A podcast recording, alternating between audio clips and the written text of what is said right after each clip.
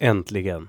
Nu är det dags. Gång på gång på gång på gång på gång.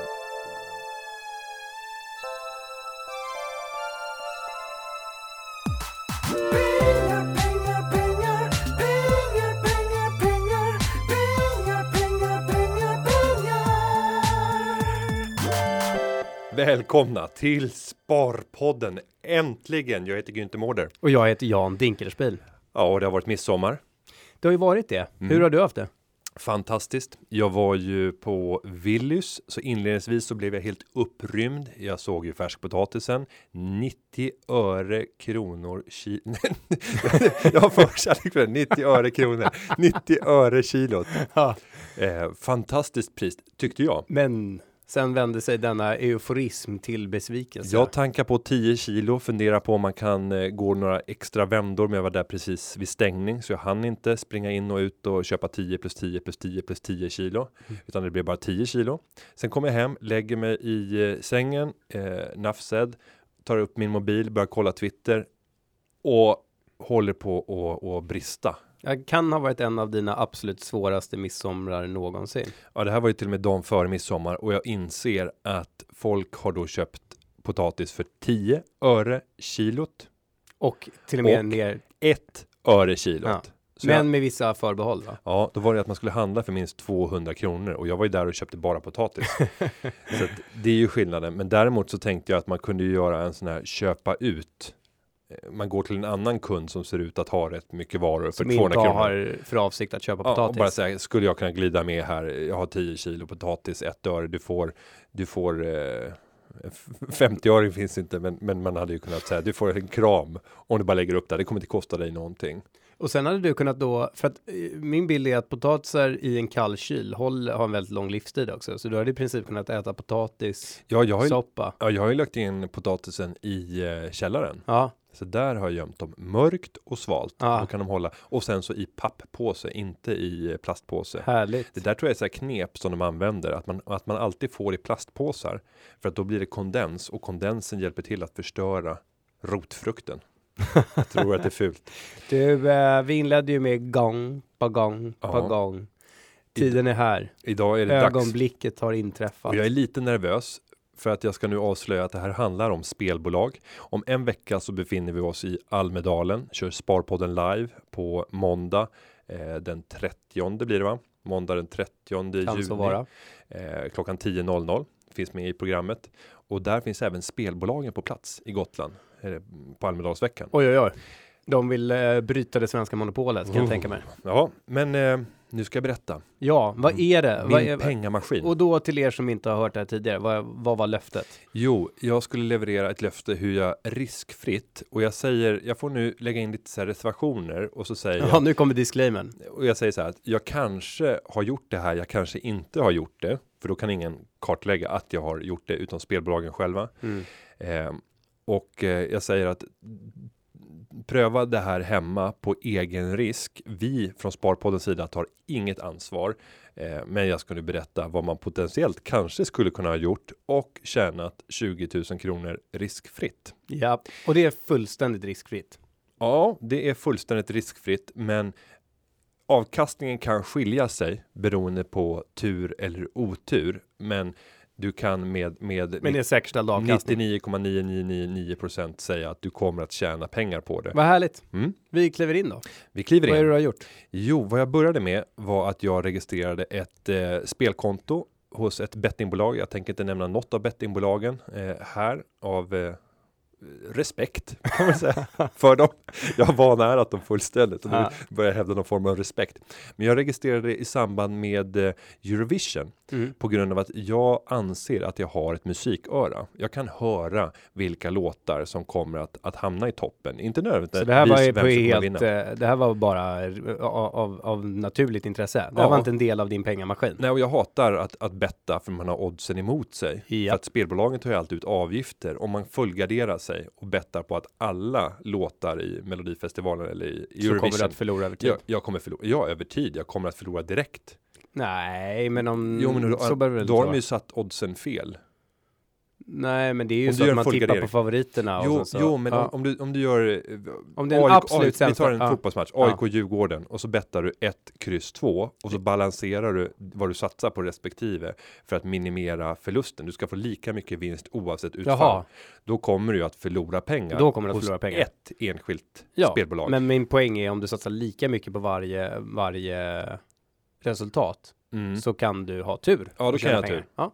Och då, då mm, Ja. absolut. Så du skulle betta på Melodifestivalen? Så började det, Men det då- var, det, det var inte en del av din pengamaskin, det är det jag undrar. Nej, det var det inte från utan början, Det var rent, utan det var så du tanken- trodde att du hade ett musiköra? Och det hade jag. Ja. Det visade sig att, att jag spelade hem en hel del pengar för att jag lyckades sätta liksom fem av de topp 10 låtarna som då satte det bara på vilka låtar kommer komma topp 10 och så Ja. valde jag ut fem stycken som sen kändes bergsäkra och fick ganska bra odds Mm. genom att kombinera de fem med varandra. Så Mm. att om en skulle misslyckas då är oddset kört. Ja. Eh, Så det blev en bra avkastning. Men ändå så, och när jag öppnade spelkontot så fick jag en insättningsbonus. Jag stoppade in 1000 kronor och så fick jag, tror jag i det här fallet, 1200 kronor Mm. i en insättningsbonus. Ja. Så jag kunde spela för 2200. Ja. Men sen krävdes det att jag skulle omsätta de här pengarna tre gånger innan jag fick plocka ut den här bonusen som hade hjälpt till att göra att den här intjäningen blev stor. Och jag insåg att jag vill inte ta risker och hålla på och Så spela. 1200 kronor måste omsättas 3 och 6 då, eller? Är det så? Nej, he hela beloppet. Så Oftast, två, är det, två, oftast alltså, är det ja. bonusen sex gånger eller hela beloppet tre gånger. Okej. Sen skiljer det sig åt eftersom bonusen här var 1200. Men strunt samma. Så i det här fallet så, så insåg jag att jag kommer inte kunna spela upp det här.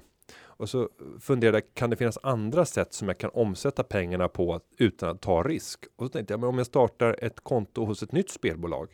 Eh, och så gjorde jag det och fick stoppa in 1000 kronor och fick ytterligare 1000 kronor. För det här är ju ett sätt som spelbolagen använder för att attrahera nya kunder. Någon började någon gång att säga att om du blir kund hos oss så får du en, en startbonus. Och sen blev det branschstandard. Ja, och, och det här tävlar man ju med. Ja. Och, och det blir ju liksom en, en eh, ett måste, en hygienfaktor för att kunna få nya spelare om man inte kan erbjuda fantastiska odds.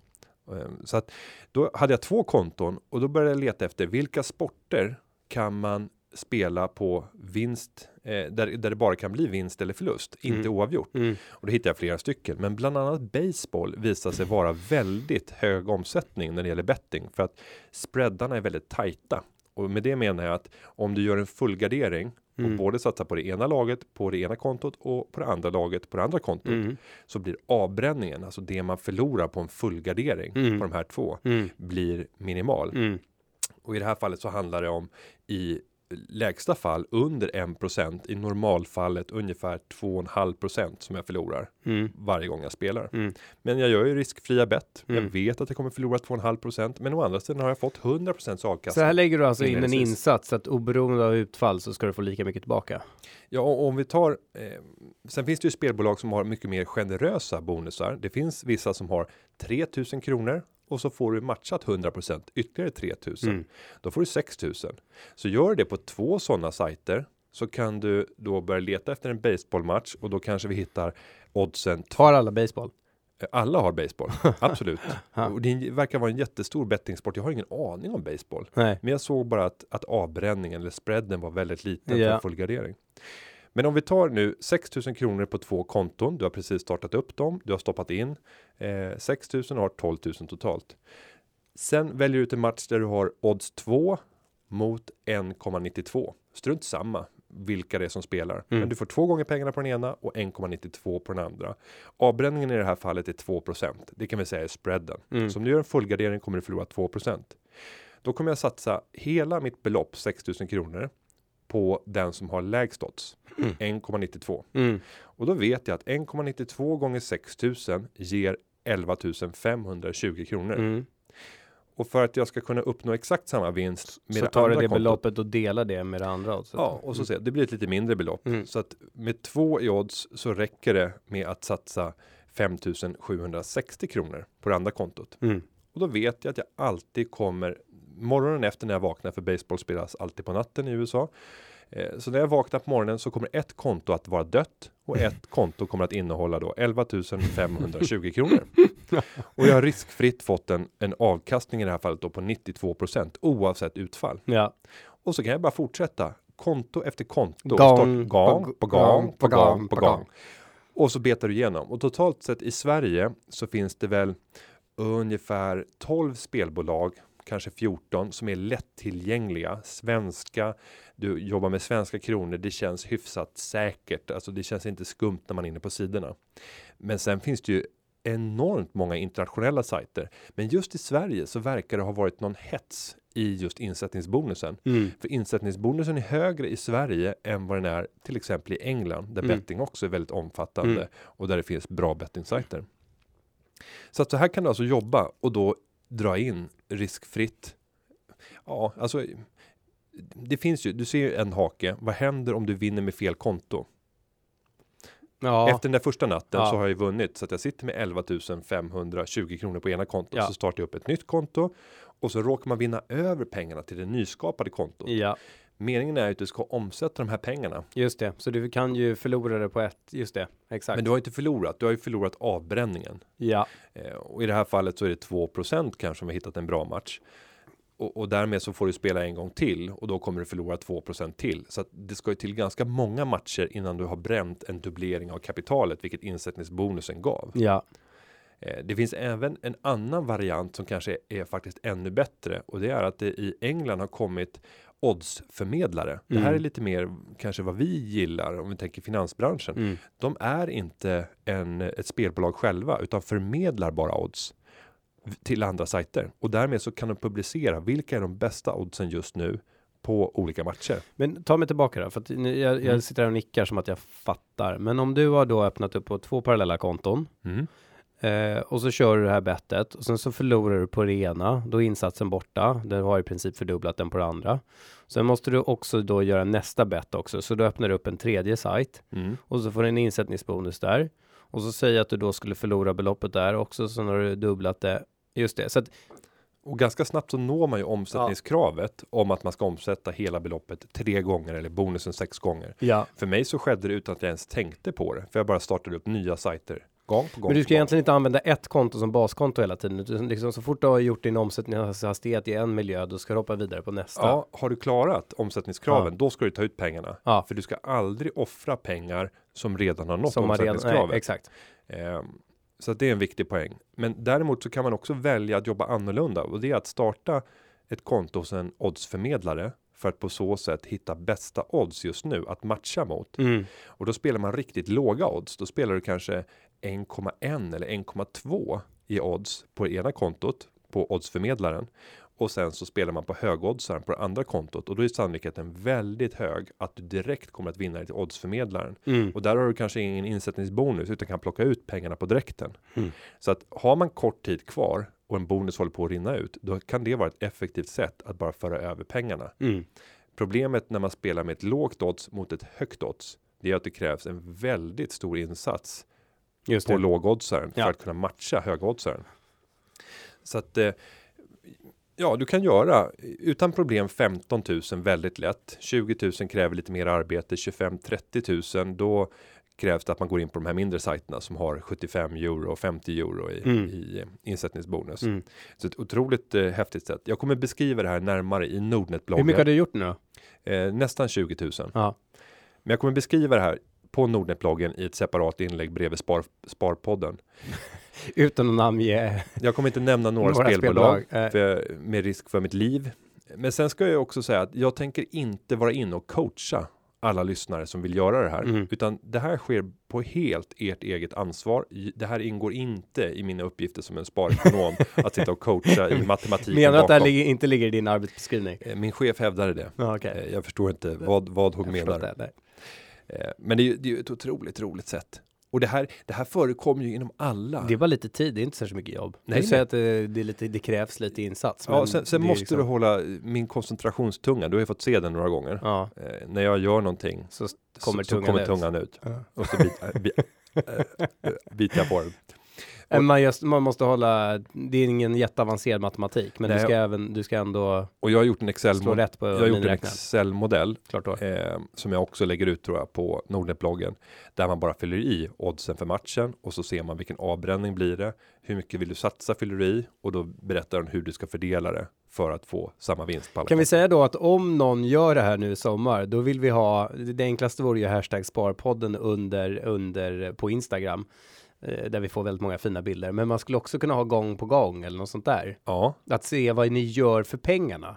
Mm. Om ni nu orkar göra det här gång på gång, hashtag, Vad hittar ni Twitter på med eller på, spa, äh, på Ja, Instagram. men använd Sparpodden. Det är svårt att bygga en ny hashtag. Sen kan man alltid, om man har Du lite att- tecken över, okej. köra lite gång på gång. Men du kör Sparpodden. här eh, social media-kurs Ja, eller? det är tungt. Nu har vi byggt Sparpodden, hashtag Sparpodden.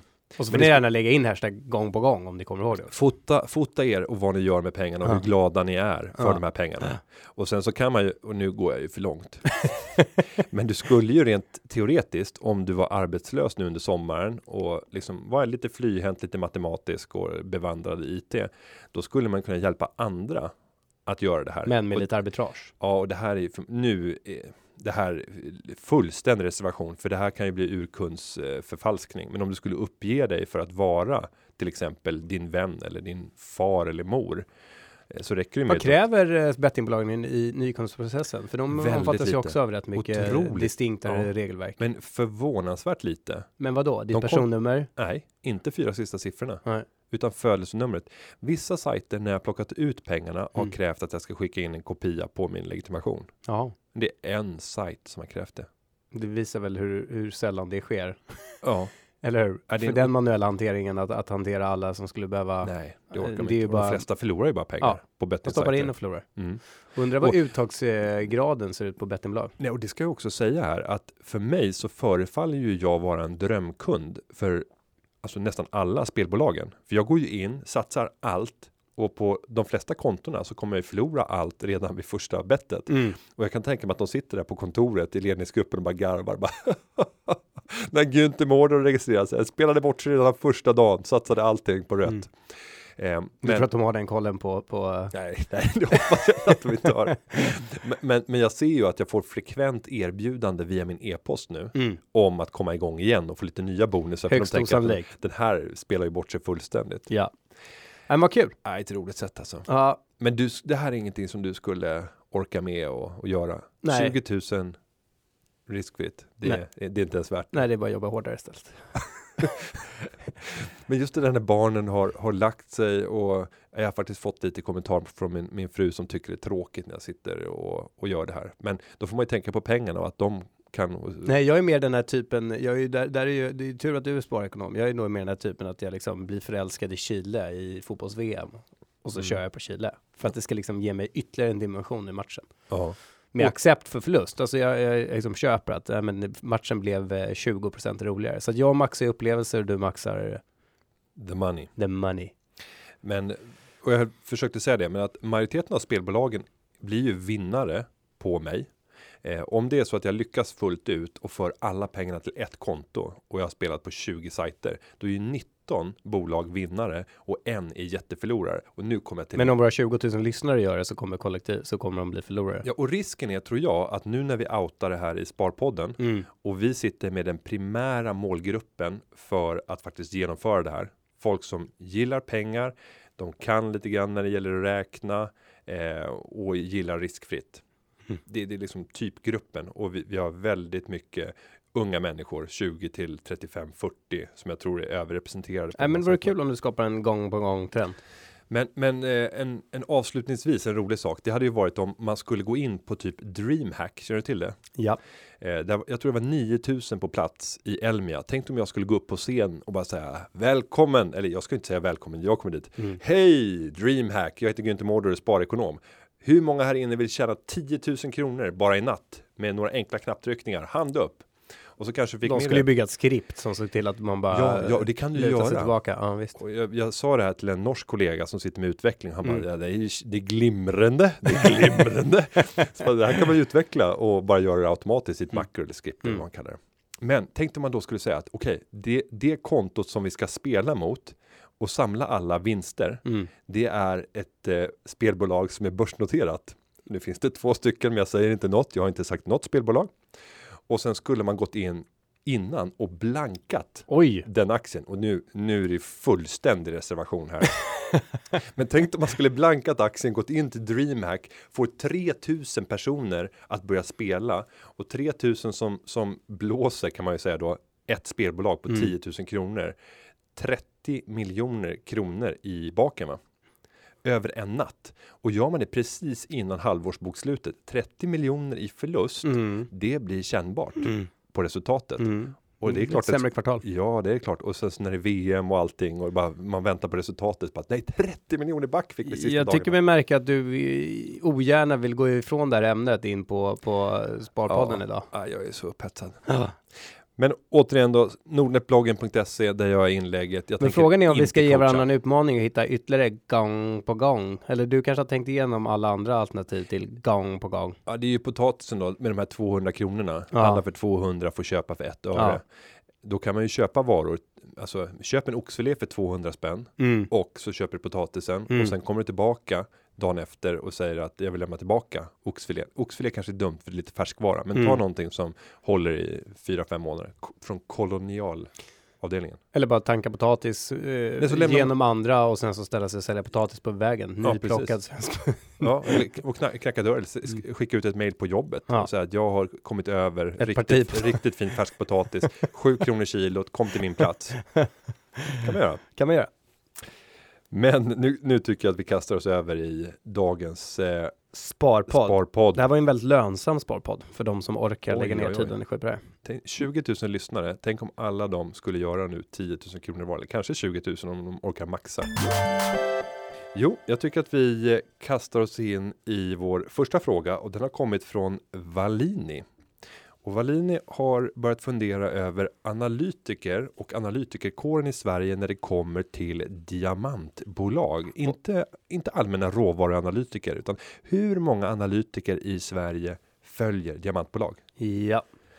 Och då har han lyckats vaska fram en Lars Höckenström på Pareto Security som bevakar men han bevakar eh, Lucara då, Diamond, för det är den, det är det bolaget som, som eh, Ja, och förmodligen så är Wallin är intresserad av. Nu kan inte jag, men jag skulle tro att, att han bevakar ju tio bolag inom gruvnäring. Säkert. Eh, så att han är ju inte en, en orienterad diamantspecialist förmodligen. Och det tror jag inte att vi har en enda analytiker i Sverige som är. Nej, det skulle jag eh, tro. Men, men det som är intressant är ju att eh, jag, jag tänker, jag reflekterar lite under, under vad som har hänt under eh, från håsen då innan 2007, eller håsen, men, men en stadig börsuppgång. Och sen så kraschen och sen så stiltje på aktiemarknaden och sen så nu tillbaka till nya all time high nivåer. Så är det ju, det där går ju trender i vilken utsträckning analyser som bevakar eh, olika bolag. Och för att ge ett svar till dig Wallin så är det helt enkelt så att när bolagen eller bankerna och fondkommissionärerna identifierar att de inte kan tjäna pengar på analysen, då slutar de analysera bolagen. Eh, så att nu märker man ju en tendens, en trend att, att fler och fler av de här eh, finansiella instituten bevakar midcap mer i högre högre utsträckning och även då eh, small cap-bolag. Den typen av analys börjar komma tillbaka också. Och, det har varit, och de har ju nästan varit borta. Helt för, för två, tre borta. år sedan. Så hade Jag vet inte hur många analytiker som bevakar Nordnet, men jag tror att det är tre. Tre, ja, ja, eh, och när det var som som lägst så var det väl en analytiker. Mm. Eh, så att det där går i trender. Så att när aktiviteten på aktiemarknaden är tillbaka, men då ser man eh, potential till intjäning och i övrigt så, så drar man ner på analysen. Så att, eh, Så det blir svårt att hitta en renodlad diamantanalytiker, i alla fall i Sverige. ja, Sydafrika tror jag att du kommer hitta det. Ja. På marknader där det finns, på, i Kanada tror jag också att det skulle kunna finnas eftersom många råvarubolag och även diamantproducenter är noterade där. Eh, Så att eh, ja är frågan om ett bolag kan flyga under radarn lite grann. För Det Ja, är det verkligen. som Valini frågar. Japp. Mm.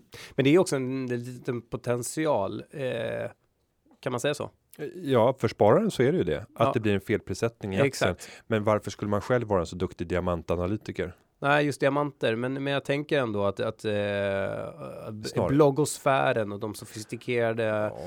Hobbyanalytikerna, de, de, det är lättare att hitta ett underanalyserat, undervärderat mindre bolag Mm, än att ja. hitta det på large cap. Ja, nu är du inne på det. För det tror jag, att gå ut på företagsbesök hos small cap-bolag och First North-bolag. Där du kan gå ut i produktionen, få uppleva hur funkar det? Hur ser det ut här? Verkar det vara bra ös? Är personalen glada? Är ledningen eh, förtroendeingivande? Där kan du få information som gör att man får ett försprång jämte mot majoriteten av de som investerar i bolaget. För de är aldrig ute och möter de här små bolagen. Nej.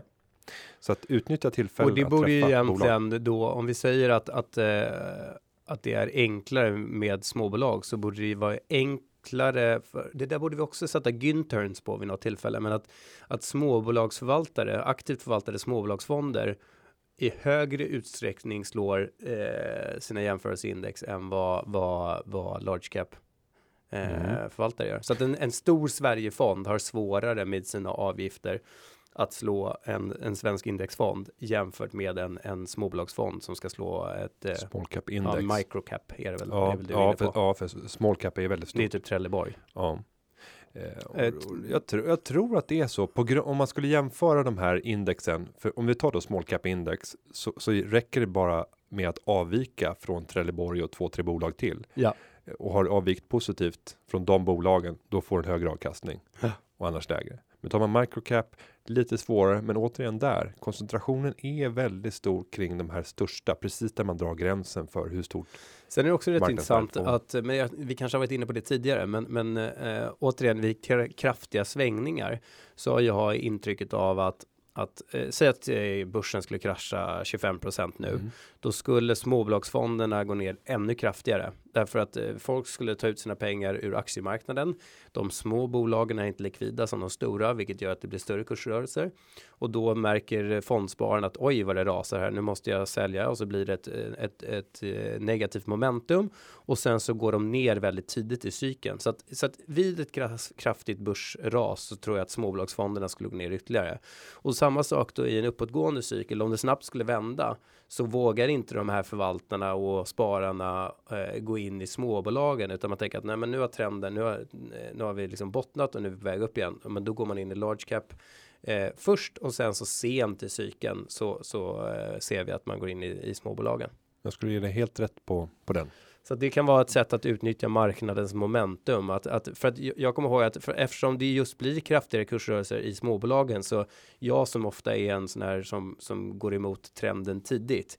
Jag vill ofta in i de här Sällan lönsamt. Nej, sällan Nej. lönsamt. Eh, Exakt, det är Initialt. precis Mm. initialt inte lönsamt. Så att då blir man besviken. Man tittar på de här småbolagen, tittar att de är lönsamma och undervärderade och allting. Så där tänker man, men börsen går upp, varför går inte de här upp? Men det är helt enkelt för att ja, jag är lite för tidig i cykeln. Mm. Så att då är det bättre att bara köpa in sig i index eh, eftersom jag har, inte har särskilt stor tilltro till, till aktivt förvaltade storbolagsfonder. Så är man med på indexresan och sen så när man ser en tendens, en trendökning i, i småbolagsaktierna, då, då tar man ni, en andra våg. Då får Ja. man hänga på på en andra våg. och här, här vill jag ge ett, ett, eh, tror jag, ganska lönsamt tips. Och det är att leta efter bolag som befinner sig kring en miljard i börsvärde. Då är det nästan inga institutionella investerare som kan röra aktien. För att det blir för små volymer. Man kan inte köpa och sälja aktier. Och sen vill man köpa ett sådant bolag som har en kraftigt stigande försäljningsutveckling kombinerat med en lönsamhet. För då vet man att om fem år från nu så kommer det här bolaget att sälja betydligt mer och tjäna väsentligt mycket mer pengar och därmed också förmodligen har aktien stigit. inte, inte säkert. Men va, det här, Jo, alltså, men, men bolaget i det här fallet tänker du just när det har kraschat tidigare då? Nej, eller? inte nödvändigtvis för att ett bolag på en miljard värderas till en, en rabatt i förhållande till sin prestation. Om du hittar ett bolag på small cap som Ah, levererar 15% vinsttillväxt per år. Då brukar det kanske handlas till 15 20 i PE. Ja, Om Hennes och Maurits skulle lyckas leverera 15% uthålligt i vinsttillväxt, då skulle man värdera bolaget till 30-35 gånger vinsten. ja. Så att det är det här du vill komma åt. Du vill gå in i Men ett du kommer in i bolag. ett nytt segment. Ja, du vill, du vill vara med om resan Ja. från miljardbolaget till att det är uppe på 4-5 miljarder. Nibe är ett sånt där suveränt exempel Mm. där du har kunnat vara med. Sen var det en hås i Nibe för, för ungefär sju år sedan. Det blir lätt det. så- Så, att jag skulle inte med garanti säga att det är Nej, nej, lönsamt. det är klart att det inte är några garantier, Mm. men, men det är ett intressant fakta för att plötsligt så blir bolaget så stort att analytiker börjar täcka det. Institutionella investerare kanske börjar köpa. Ehm, att, ja, det, En lista som jag går in med, eh, på med, med eh, spänning eh, med hyfsad regelbundenhet är den här FIs publicering av blankade bolag. Mm. Varje dag kommer den klockan tre va? Varje, ja, eller 14.30 eller 14.30, 15.30 eh, så kommer det så publiceras den och jag tror att det är förändringar för ett nytt regelverk säger Mm. ju då att man måste rapportera om man ligger eh, kort i en aktie. Eh, mer än 0,5% av aktiekapitalet tror jag. Och tidigare så var ju Elekta väldigt blankat och sen Enormt. och Elekta har ju gått ner och det är fortsatt ganska blankat. Jag Mm. kollade igår och jag ser att det är Eniro är lite blankat. Oriflame tok blankat.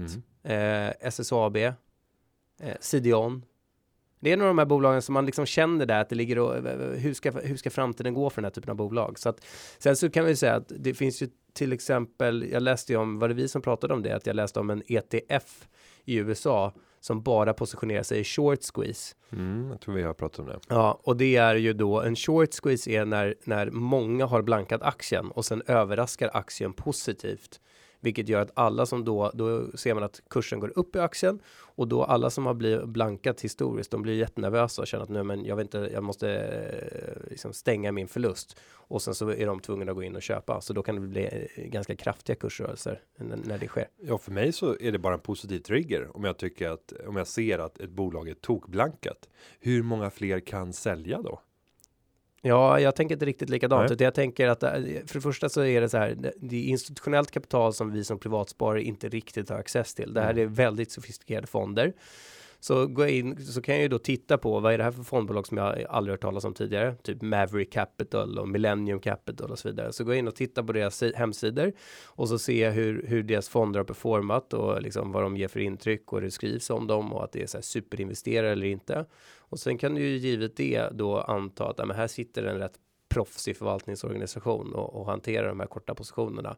Och då kanske man kan gå in och, och göra motsvarande. Mm. Ja, men det, det, det ger en spännande dimension. Ja. Så gå in på Finansinspektionens list, eh, lista. Den är öppen och offentlig redovisas varje handelsdag. Yes. Då går vi vidare till Martin Richt, eh, Richter Ja.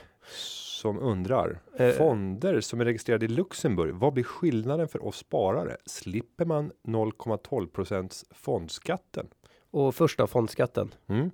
Eh, Och egentligen så är det bara en, en, en omlaborering av skatt från att fonden tidigare har betalat den till att slutkonsumenten nu får betala den. Så att i grund och botten så är det inte speciellt mycket som har förändrats för oss sparare. Men nu ser vi den och det är därför folk reagerar på att man betalar 0,12 varje år. Ja. Men Luxemburg, Ja, Luxemburg. Ja, det har, eller det har jag inte, men jag, jag ringde min kollega, måste jag villigt erkänna, och han hade bra koll. Eh, och han sa egentligen att det är tre eh, saker nämnde han om, om Lux-registrerade fonder och de kallas ofta SICAV-fonder tror jag. Är det alltid SICAV? Jag vet inte. Nej, men det ena var att de kan ta mer, alltså de, regelverket i Lux tillåter fonden att ta ta mer högre kostnader i fonden, eller att lägga över gillar andra. Nej, det gillar du inte. Nej. Och då undrade jag, men vad är det så här att man ska tracka ett visst index och så måste man betala till indexleverantören och så vidare. Men han, han, han sa då att nej, men man kan trycka in lite marknadsföringskostnader och lite Inventarier. inventar, lite datorer och lite resor lite och så vidare. representation. Lite representation kan man trycka in i fonden istället för fondbolaget då. Mhm. Och då är det ju rimligt att anta att då blir det ju kostnaden för den här för Lux-registrerade fonder högre än vad de blir i andra länder. Och där kan ni gå in och titta på någonting som står i fondfaktabladet som heter vad var det han sa då? Ongoing charge. Ongoing charge. Yes, Mm. så titta på i fondfaktabladet och det är ju för att när ni tittar på förvaltningsavgifter så är ju det en dimension och det är vad fondbolaget tar ut i förvaltningsavgift. Och för full transparens då, ibland, eller i regel, som regel får vi en del av den förvaltningsavgiften från själva fondbolaget. Men sen finns det ju transaktionskostnader, det finns massa, det finns massa andra kostnader som är, är förenade med att driva den här fonden. Sen ska man inte bli livrädd nu och tro att man blir blåst på massa pengar. Eh, ett välrenommerat fondbolag där eh, de här kostnaderna skulle börja skena och det är synligt. När man tittar på den totala kostnaden för fonden, de skulle omedelbart hängas ut Ja. och det skulle bli svarta rubriker så att eh, de flesta är rätt sparsamma och, och eh, man behöver inte vara rädd för att bli blåst tror jag i de i de flesta fallen bara för att det är en Luxemburg registrerad Nej. fond. Sen, sen går vi vidare då och det, det andra var att i, i ehm, Sverige då, men det är en svensk registrerad fond, då kan fondbolaget själva prissätta fonden, det vill säga eh, net asset value, prissätta fonden och navet då varje dag. Men i Lux så måste det vara en, en tredje part som gör det hela tiden. Så det är väl någon typ av regelverksdimension som ska säkerställa kvalitet. Och slutligen då så nämnde han att om det är större fondbolag och de ska liksom eh, attrahera pensionsstiftelser i Italien och olika plattformar i Österrike, ja, men då kan man inte komma dragandes med en svensk registrerad fond. Så det är ett sätt att inte behöva göra massa parallellfonder utan bara registrera på ett ställe. Intressant tyckte jag. Ja. Ja. Sen har vi en person som eh, förmodligen gillade Sparpodden live här senast. Personen heter på Twitter det 10 punden. Och nu är börsen högt värderat enligt PE alltså price earnings, eh, värdering i förhållande till, till vinsterna. Men finns det statistik på historiska PE-värden justerade för rådande ränteläge? Och då utvecklar jag det 10 pundens fråga just för att eh, någonstans är det ju att, att eh, sparare letar ju alltid avkastning. Och det är klart att, att givet att, ränd, att, att eh, man får så otroligt dålig avkastning på, på räntesparande så accepterar man en lägre avkastning på aktiemarknaden också. Jag satt senast i helgen faktiskt med en en, eh, en, en, en partner på, på JP Morgan som just sa att han var superbullish, eh, alltså hade en supertro på aktier och eh, var skeptisk till räntemarknaden just för att det är en, en sån stor skillnad ändå i, i direktavkastning. Ja, och här finns det ju mått som mäter det här. Eh, Schiller har ju tagit fram ett speciellt P-tal som då av naturliga skäl kallas Schiller PE. Och Schiller PE tar hänsyn till inflationen och det är klart att det finns ju sambandet inflationen och räntan eftersom du hela tiden måste kompensera för inflationen i din räntesättning. Ja, vi kan fördjupa oss så mycket som helst i det, men det blir indirekt någonting som de 10 punden efterfrågar. För då kan vi se rådan, givet rådande inflationsläge. Hur högt är P talen eller hur höga är P talen just nu? Och går man in och googlar det så finns det många grafer där man kan titta på de största indexerna i världen för att se hur det ligger till. Och då ser vi att vi ligger just nu på väldigt höga värderingar. Det finns högre kring 2000 så hade vi en topp som var ännu högre. Mm. Eh, jag tror att vi tangerar ungefär kring 2007, kanske något högre där beroende på vilket index vi tittar på. Men vi, vi har mycket höga värderingar även när vi har tagit hänsyn till att räntan idag eller inflationen är Mm. närmast noll. Mm. Och gäller det alla aktiemarknader när du varit inne och tittat? Nej, eller? det gör det inte. Nej. Och ett intressant, en intressant sak, det kan ju vara att blicka västerut eh, närmast till Norge. Norge är en av de lägst värderade marknaderna i Europa. Eh, visst, eh, Ryssland, Rumänien, eh, Ungern. Argentina. Ja. Nej, inte Europa. Mm. Men, men nej, för det här var vår norske sparekonom som som försöker trumpeta ut det här budskapet för att just säga att norska aktier ser billiga ut just nu. Mm. Samtidigt så ser vi då att danska aktier handlas skyhögt. Jag tror att du har ett snitt P tal där på 23 24 Men är det, om man tittar på att, Oslo att 12. eh, Oslo Börs inte är en börs utan det är ett stort oljebolag och Mm. oljeservicebolag. Eh, värderas det fortfarande då lågt om man tittar på att det är en exponering mot, mot framförallt oljan? Det beror på vad du ska jämföra de här oljebolagen med, eller oljeservicebolag. Men det finns ju mer. Alltså det, det blir orättvist att säga att det är så, så dominant. Ja, Men det är klart att börjar man jämföra med de ryska motsvarigheterna, så är det dyrt. då är det dyrt. Mm. Men börjar du jämföra med amerikanska motsvarigheter, då är det billigt. Exxon Mobil. Ja, men så, så Norge ligger ju någonstans där mitt emellan eh, och är väl närmare USA hoppas jag än, än Ryssland i omvärldens syn när det gäller risk på Men det är väl ett marknaden. uttryck för att det är inte så enkelt att bara titta på P. Det är väl också Nej, det är det andra dimensioner i, i eh, sammansättningen av, Mm. av, av indexet. Och det där är ju också orsaken till att eh, danska index, om vi tittar på OMX C25, Ja, är så högt värderad. Och det beror ju inte minst på, ska jag ju säga, det, största bolaget i Norden, Novo Nordisk, som har en skyhög värdering på grund av en helt outstanding performance. Eh, Men, men det gör att indexets P tal dras upp. Det finns många attraktivt värderade bolag på, på Köpenhamnsbörsen också. Men vad jag egentligen var intresserad av, det var ju om 10 punden, om du har tittat på emerging markets också, hur det ser ut där. Men har du koll på det? Hur det ser ut på min eh, nya favoritmarknad, Brasilien, Mm. som jag har noll koll på. Ja, men alla tillväxtmarknaderna har ju haft en ganska tråkig utveckling. Eh, Indien är den enda parentesen där börsen har, har stegrat ordentligt. Men, men i övrigt så har det varit en, en tung utveckling för, för gamla, vad ska man säga då? Brick. Jag hoppade över i där. Brk. Brick. Aha. Mm. Mm. Brasilien, Ryssland och Kina framförallt då. Eh, Så att värderingarna är väldigt låga och ska man ställa vilket många förvaltare av, av tillväxtmarknadsfonder gör, ställa tillväxtmarknaden i relation till mogen marknad väst, så ser man att värderingsgapet just nu är rekordstort. Och det hänger mer samman med att mogen marknad väst har dragit iväg uppåt Ja.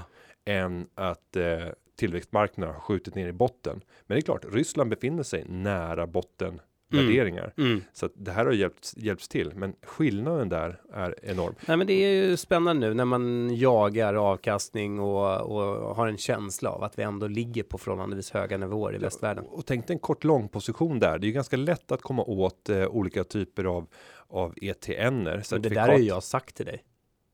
Att jag funderar på att ligga kort svensk aktiemarknad och lång eh, emerging markets. Ja, ja men så, håller du på att rippar min investeringsfilosofi. när sa du det? Nämn vilket avsnitt du sa det. Nej, men att ta hela moge- mogen marknad väst för att inte isolera sig till Sverige, för där tycker jag att du gör fel i sådana fall. Okej, Markerar jag tydligt med fingret här. Fel. Nu skulle jag säga det som, som, som en som magister. en konduktör. ja, konduktör eller, kanske. eller kompositör. Eller nej, vad säger jag? Dirigent. Mm. Ja, exakt. Martin Richter igen. Mm, igen. Vad generöst av oss att ta två Martin. Ja, varsågod. Eh, vad menas med riktkurs i alla analyser? På hur lång sikt är det? Hur ska det användas? Mm.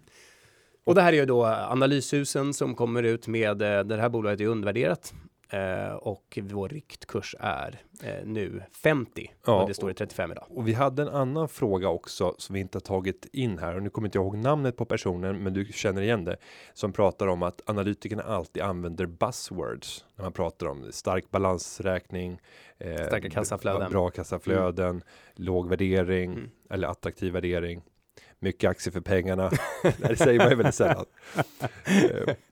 Och det blir lite samma sak. Va- Vad är, vad är det man baserar det på? Relativt vad? Ja. Och samma sak här då. Relativt, vad är det för tidshorisont?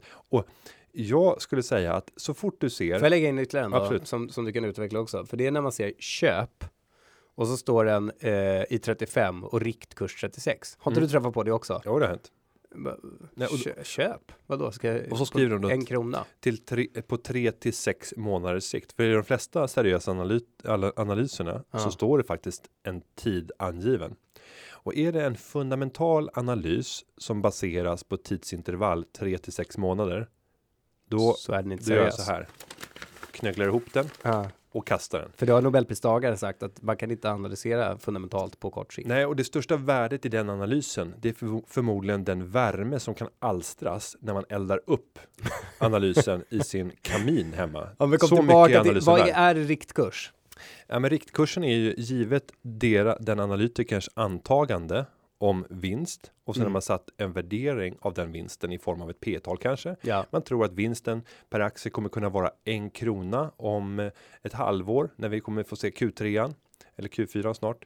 Eh, Och sen så tror man att äh, värderingen kommer kunna vara 20 gånger årsvinsten. Ja, då borde aktien handlas till 20 kronor. Idag handlas den till 18. ja. Ja, men då har vi en, en målkurs på 20 kronor. Och jag tyckte jag var väldigt smart när 10% jag svarade. Martin på, på Twitter. För jag tänkte så här, ja men det kanske är på två års sikt eller ett års sikt eller sådär. Men, men jag sa ju, jag svarade ju istället att så som jag tolkar det är att givet det den här analytiken vet om bolaget idag så tycker den här analytiken att idag borde värderingen vara annorlunda än den är. Så att egentligen borde ju riktkursen vara baserad på nu.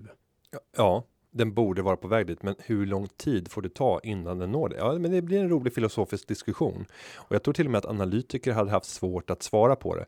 Men säger man 3 till 6 månaders sikt målkurs 20 kronor. Ja men det gör ju 18 du. Nej, Det, de gör ju du, det gör ju du när du, idag gick du ut på, på nya Shareville och kommenterade ditt, nej det gjorde du inte, du gick ut någonstans och kommenterade ditt nya köp. Var det på Twitter? Vilket av dem höll jag på att säga? Lundin Petroleum. Ja, men det har jag inte köpt något mer nu senaste tiden. Nähä. Det har jag haft länge. Gick du inte ut med Twitter-inlägg om att du köpt Lype och målkurs och sådär? Nej? Nej, det, Har jag jag, jag, gammalt bara? Ja, du har sett något gammalt, för det gjorde jag. Du kanske varit inne på Shareville och läst mitt gamla inlägg när jag köpte. Det kan ha varit. Men du pratar ju ofta om på 18 till 24 månaders sikt.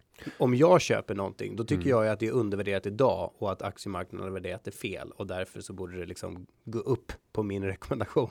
Ja, och det kan ju gå fortare. Eh, Och då ska man ju realisera det. Jag tänker ofta femåriga perspektiv, men Ja. det är sällan jag behöver hålla det fem år. Vi har satt en målkurs. Låt oss säga att det är en dubblering som jag ser på fem år. Om aktien har dubblerats redan på två år, ja, då säljer jag till och med kanske om aktien har gått upp 70% på två år. Ja. För då är majoriteten av den potential som jag såg realiserad under en minoritet av tiden. Men istället för att säga att det blir en intressant filosofisk diskussion kan du säga att tekniskt har du rätt Jan. Tekniskt har du rätt, Ja. absolut. Bra, vi går vidare. Mm. Direkt till Erik Johansson va? Mm. Eh, han har börjat spara i fonder och det går hyfsat, cirka 14% avkastning på tre år. Men han är lite störd för han blir slagen av svärfar på 30% avkastning. Hans, hans taktik känns lite för enkel för att fungera. Han kollar helt enkelt på sin banks fondlista en gång i månaden och köper de som ligger bäst till. Han säljer då de som har gått dåligt. Vad är negativt med denna taktik förutom skatten då han säljer? Han har ej ett investeringssparkonto. Med vänliga hälsningar. Mhm. Här är ju, Är det roligt? Nej. Och just att tävla mot svärfar, är det någonting du ägnar dig åt? nej, nej, jag håller inte på att jämföra vårt fondsparande. Nej. Men Och- snart, om man blir publik på Shareville så kanske jag kan Mm. hålla på att reta honom. Men nu, nu vill jag börja med avkastningen. Ja. Även om man håller på att tävla. 14% på tre år. Det är inte bra. Nej, när jag gick och bara tittade på Six Return Index så har den under tre år stigit med, med ungefär 50% När vi gör den här mätningen i augusti så kommer index förmodligen ha stigit med 65-70% för för tre år sedan då hade vi den där dippen 2011. Mm. Precis, och det här är precis innan Ja. den dippen, för Ja. den kom ju senare under, under sommaren. Så eh, det är en, förlåt Erik, men det är en väldigt dålig avkastning. Just det.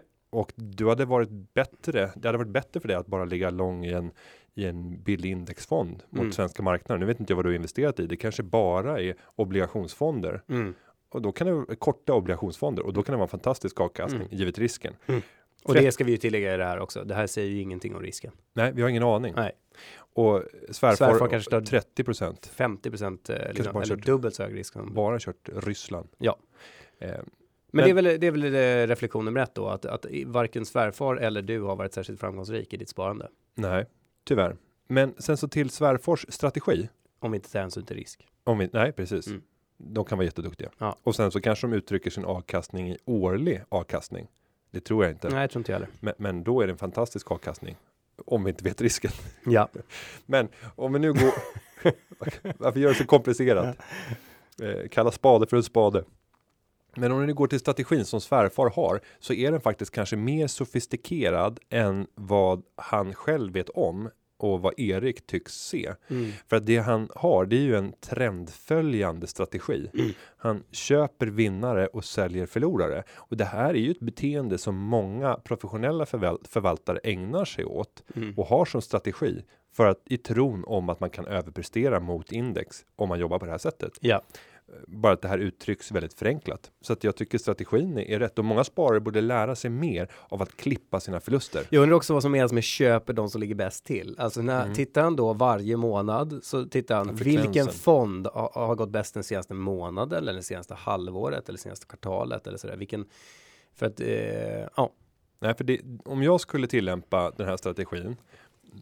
Nu jobbar inte jag exakt så, för jag jobbar mer utifrån värdering och vill se fundamentalt att det är köpvärt, inte bara titta på trender.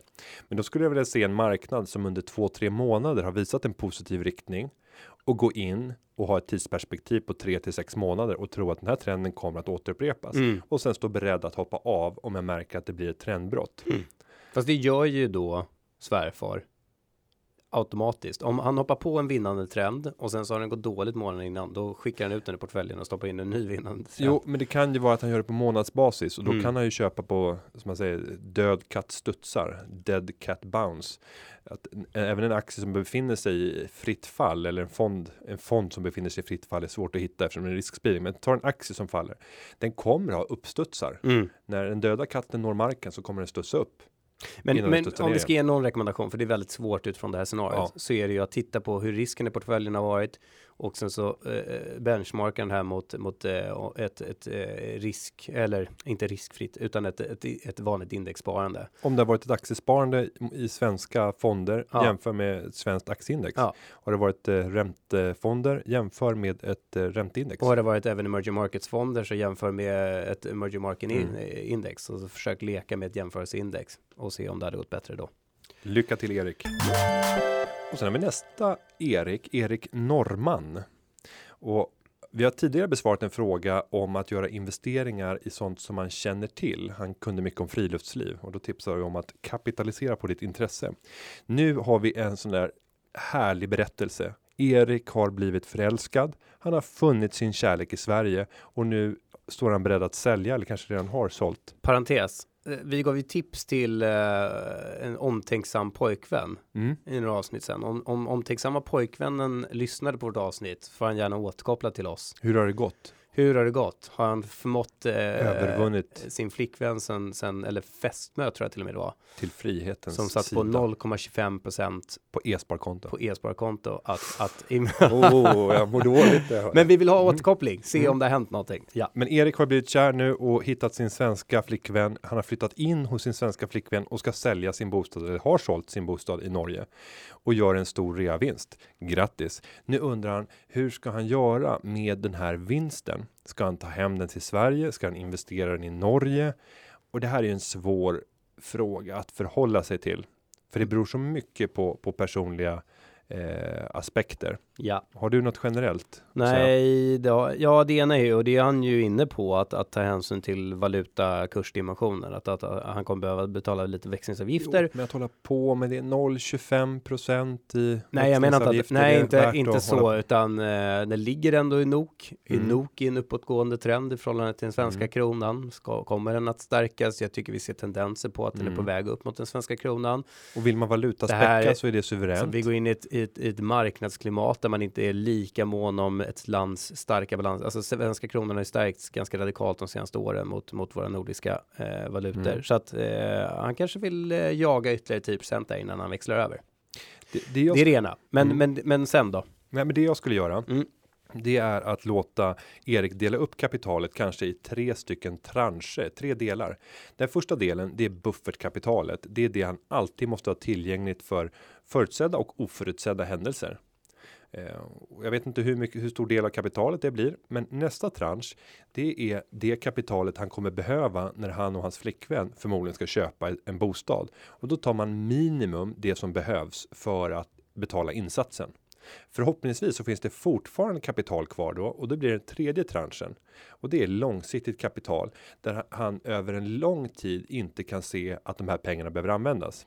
Och sen kan man tillämpa ett eh, en grovhuggen regel som säger att för varje år du kan avvara pengarna från att användas så kan du exponera dem med 10 procentenheter mot aktiemarknaden.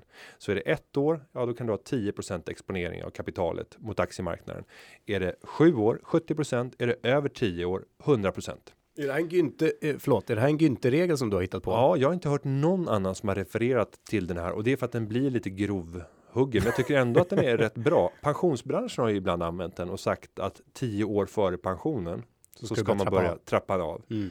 Men det här är Fast det där är ju också ifrågasatt. Ja, ja, absolut. För Vi då- som årets pensionsspecialister kan ju verkligen ifrågasätta det där. Nej, för då handlar det ju ofta om att man räknar från 65 år som var den gamla pensionsåldern. Så säger man från 55 år, då börjar man trappa ner. Ja. Många generationsfonder fungerar på det sättet. Skillnaden det är ju att pensionerna betalas ju ut många gånger under 10 år, ibland till och med längre tid än så. Exakt. Och då är det ju faktiskt 20 år kvar tills man ska Så plocka ska ut du pengarna. ligga exponerad mot räntemarknaden i 20 år under 20 år i utbetalningstid. Det Mm. är att ifrågasätta som årets pensionsspecialist. Mm, verkligen. Nu, det känns nästan som att vi har vunnit priset för nästa år igen med det här statementet. Där var vårt bidrag. Nej, men lite så. Ja. Nej, men så kan man tänka. Och så gör han så här för de tre transcherna av kapital. Och för, förhoppningsvis så kommer den där långsiktiga att vara mer än 10 år. Då har han 100% aktieexponering för de pengarna. För den här mellantranschen så kanske bostadsköpet ska ske inom tre år. Då är det 30% som ska ligga i, i, eh, i aktier. Nisse. Hej Günther och Jan. Eh, varför får vi småsparare så dålig tilldelning i introduktionerna? Eh, Beskab och Akelius är bara några exempel. Eh, och det är ju alltså så att det sker ju massa emissioner och sen så är tilldelningen, alltså säg att eh, privatspararna vill teckna aktier för 200 miljoner kronor, men de kanske får 20. Mm. Ja, så har det varit i vissa fall. Det var till och med någon notering va, där det inte blev någon tilldelning alls till privatspararna. Kom hem? Nej, det kan inte ha varit. Nej, det, det var någon som var ute och hävdade att så var fallet i Bestcab. Ja, Men eh, för våra kunder så var det många som fick tilldelning. Ja. Jag vet inte hur många, men hos en, en konkurrent så eh, sa man att det inte var någon tilldelning. Men jag tror inte att det stämmer. Nej. Jag tror att de faktiskt har fått tilldelning. Ja, ja. vad är det som händer? Jo, det som händer är ju att bolaget och investmentbanken som hjälper bolaget att gå till börsen vill ju få ut maximalt betalt för bolaget. Man vill också att det ska vara en succé till introduktion, alltså att man får stigande kurs när man noterar bolaget. Det här gör att man försöker sätta ett pris som är tillräckligt attraktivt för att det ska kunna bli en bra skjuts den första veckan, kanske till och med bara den första dagen för att visa att det här var en succé.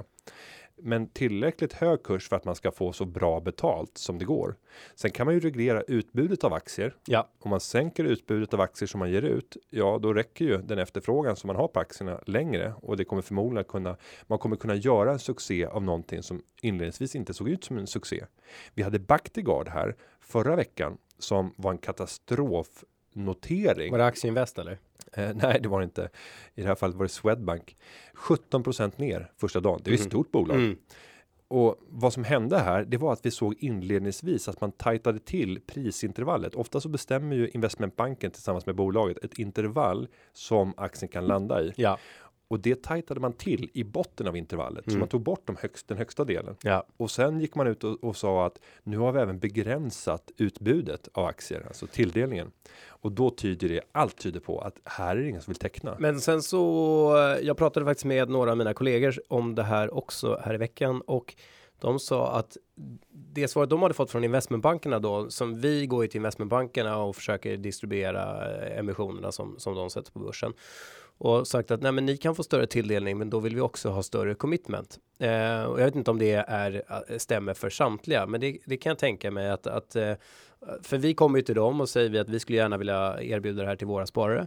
Eh, Men vi vill inte ge någon garanti, för vi vill inte säga att nej, men vi kan garantera att vi, eh, våra kunder kommer att eh, slänga in 50 miljoner kronor i den här emissionen och sen så blir det bara 35 miljoner kronor, för då måste Nordnet gå in och ta en position på 15 miljoner kronor i aktiet, Mellanskillnaden mellan 50 och 35, 15 miljoner. Och eftersom vi inte vill ta risk i egen balansräkning, för det är inte vår affärsmodell, så, så är det läskigt för oss att committa. Det är klart att vi skulle kunna säga att om vi tror att spararna ska i, slänga sig på mm, till ett värde av 100 miljoner kronor så kanske man skulle kunna committa till 30. Men det är alltid associerat med en viss risk där och, och den vill vi inte ta. Sen finns det vissa bolag som har den här affärsidén.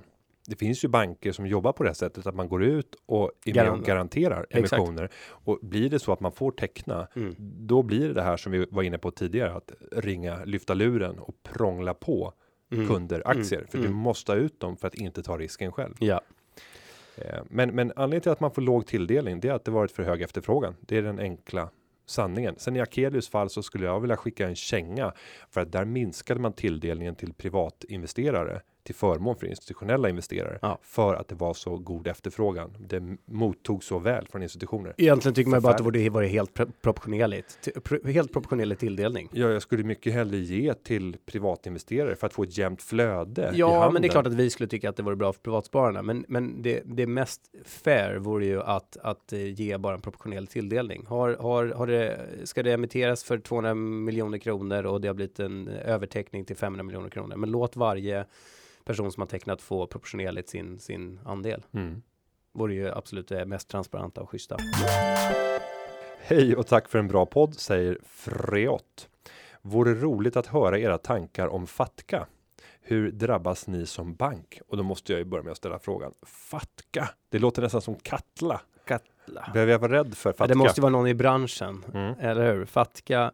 Fatka, jag vet faktiskt inte vad det står för eh, tyvärr, men jag har hört det eh, alldeles för ofta det senaste året och det handlar ju om att det var väl egentligen två stora saker som hände i USA efter, efter krisen, eh, eller två stora regelverksförändringar som påverkar oss. Det ena är Dodd-Frank eh, och det andra är Fatka. Eh, och Fatka handlar helt enkelt, jag tror att ursprunget är att, att jänkarna vill att eh, människor som är skatteskrivna eller som ska skatta i USA inte ska kunna slippa eller eh, smita skatt genom att lägga pengarna i andra jurisdiktioner. Rimligt. Eh, och det här drabbar ju alla. Alla som har något typ av samröre med, med USA måste då bli FATCA compliant, vilket innebär att vi och så skulle man kunna säga, ja, men kan inte Nordnet då som, som mindre aktör på, på den nordiska marknaden bara slänga ut de amerikanskt registrerade kunderna? Men det är inte riktigt så enkelt, utan för att vi ska få distribuera vissa av de här fonderna som är USA eller Fidelity och ja, det kommer jag inte på alla, men, men amerikanska fondbolag eller eh, att vi ska ge våra svenska kunder access till den amerikanska aktiemarknaden och så vidare, så måste vi vara fattiga compliant då. Och det är en massa jobb. Det är projektledning och det är IT-utveckling och det handlar om, det får bäring på nykundsprocessen och det får bäring på loggning av data om våra kunder. Det får bäring av rapportering till amerikanska skattemyndigheten och så vidare och så vidare. Jag kan inte, jag är inte insatt i detaljerna. Jag vet bara att det är typ, det, det är typ exemplet på hur du i verkligheten eh, måste förhålla, förhålla dig till alla den här typen av frågor som, som drabbar oss som, som bank. Och som i slutändan ju jag ska inte bara säga att det är negativt, för i slutet, alltså många av de här regelverksförändringarna har som ambition att göra det bättre för spararna och att skapa bättre, ett, ett mer eh, stabilt banksystem. Men det är klart att vi gärna skulle vilja eh, lägga tid och energi på att utveckla vårt digitala erbjudande och de sparprodukter vi har på plattformen, snarare än att bara anpassa oss till, till eh, nyintroducerade regelverk. Ja, för ska jag summera det här, det är ju en del av den regelvåg som har sköljt över marknaden och de regler och direktiv som har kommit har inte alltid känts motiverade för oss svenska sparare, men i internationell kontext så kan man förstå bättre att det här är ett problem. Mm. Men vi drabbas. Vi kan inte tjäna några pengar på att göra det här, men ändå får man kostnader. Kostnader måste tas någonstans ifrån, så det är väldigt tråkiga saker att göra. Jag tror att det här hämmar konkurrensen för det blir högre inträdesbarriärer. Samtidigt kan jag inte vända på ryggen och säga att det här behövs inte så att jag är jättekluven. Men, Mm. men sammanfattningsvis, det drabbar konkurrensen. Små aktörer får, råd, äh, får, får svårt att ha råd med att täcka alla de nya kostnader som kommer. Ta en annan grej som har kommit, regler. kommit i, eh, i själv, vad säger man? I I själv, nej, sköljvattnet, själv, i kölvattnet, kölvattnet, kölvattnet av Kölvattnet. finanskrisen. Kölvattnet. Eh, eh, så är det ju att alla banker, jag vet inte om det är alla banker eller alla banker och alla finansinstitut, men, men en, en, en MPAP som är en New Product Approval Process och det ska då gå igenom ett MPAC, New Product Approval Committee, vilket är att om du, om du introducerar nya produkter eller tjänster på, på den finansiella marknaden så, så måste du gå igenom en viss process. Och då kan man tycka att ja, men det där är rätt komplext, men, men, om, om man tittar på vad det innebär för spararna så innebär det ju någon typ av kvalitetssäkring i allting som tas fram. Vi måste tänka på de legala aspekterna, vi måste tänka på riskaspekterna, finansiella risker, operativa risker. Vi måste tänka på compliance och vi måste tänka på security, IT security och så vidare och massa andra dimensioner också. Och i slutändan så om man anammar det här på rätt sätt och gör det på rätt sätt och inte ser det som en tröghet i en innovationsprocess, då blir det väldigt bra för det blir en kvalitetssäkring i, i, i eh, framtagandet av nya produkter och tjänster. Men det är klart att det är, det är en omställning för branscherna, eh, för det här är en av 10-15 saker som måste modifieras. Mm. Och för dig som har sömnproblem så kan man med enkelhet klippa ut den här delen av Sparpodden och sätta på repeat eh, när man går och lägger sig. Jäklar vad torrt det var. Jag avslutar. Nej, det var det inte. Nej, det här men- är ju liksom den verklighet som Ja. vi har att förhålla oss till. Jag, jag vill Ja. avsluta med. Vill du ha mitt jobb? Nej, det vill jag inte. Eh, Nej, jag vill avsluta med att be om din hand ja. och sen så håller vi handen och så hälsar vi till Jessica för hon ville ha mer handhållning i Sparpodden och vi får se om vi kan ta det här ytterligare ett steg längre. Vi pratar ju ofta om transparent banking. Just det. Är det dags att eh, klä av sig framöver? vi får se. Vi ses i eh, Almedalen. Almedalen, Visby 30 eh, juni klockan 10.00. Scenen heter Hej Digital och vi säger att den här podcasten har spelats in och klippts av Nayara Seara. Stort tack. Ha det gott. snart. Hej. Hej.